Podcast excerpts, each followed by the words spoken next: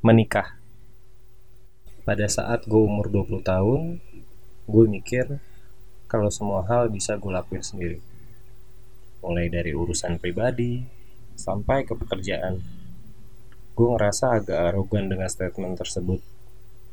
Tapi emang itu nyatanya. Sebagai seorang penyendiri yang saat itu berpikir bahwa semua hal bisa dilakukan sendiri.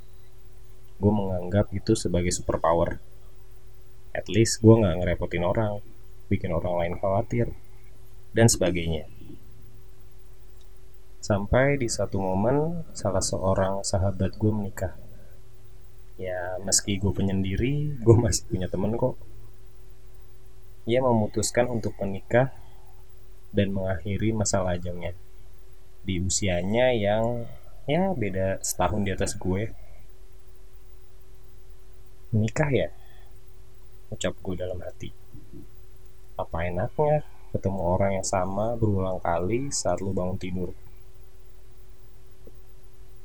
Sambil bergumam, gue pun scrolling timeline Twitter. Dan berhenti di salah satu retweetan dari temen gue. Meski kamu merasa apa-apa bisa sendiri, tapi yang harus kamu tahu, menua sendiri itu nggak enak. Setelah gue baca itu gue jadi tersadar.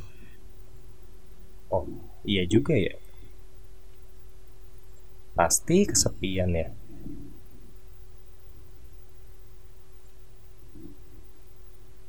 Gue sadar saat itu kalau gue masih butuh orang lain. At least buat diskusi ngobrolin topik nggak jelas ngomongin soal tukang parkir, ngomongin soal zombie, ngomongin banyak hal sampai gue nggak sadar kalau matahari sudah terbit lagi.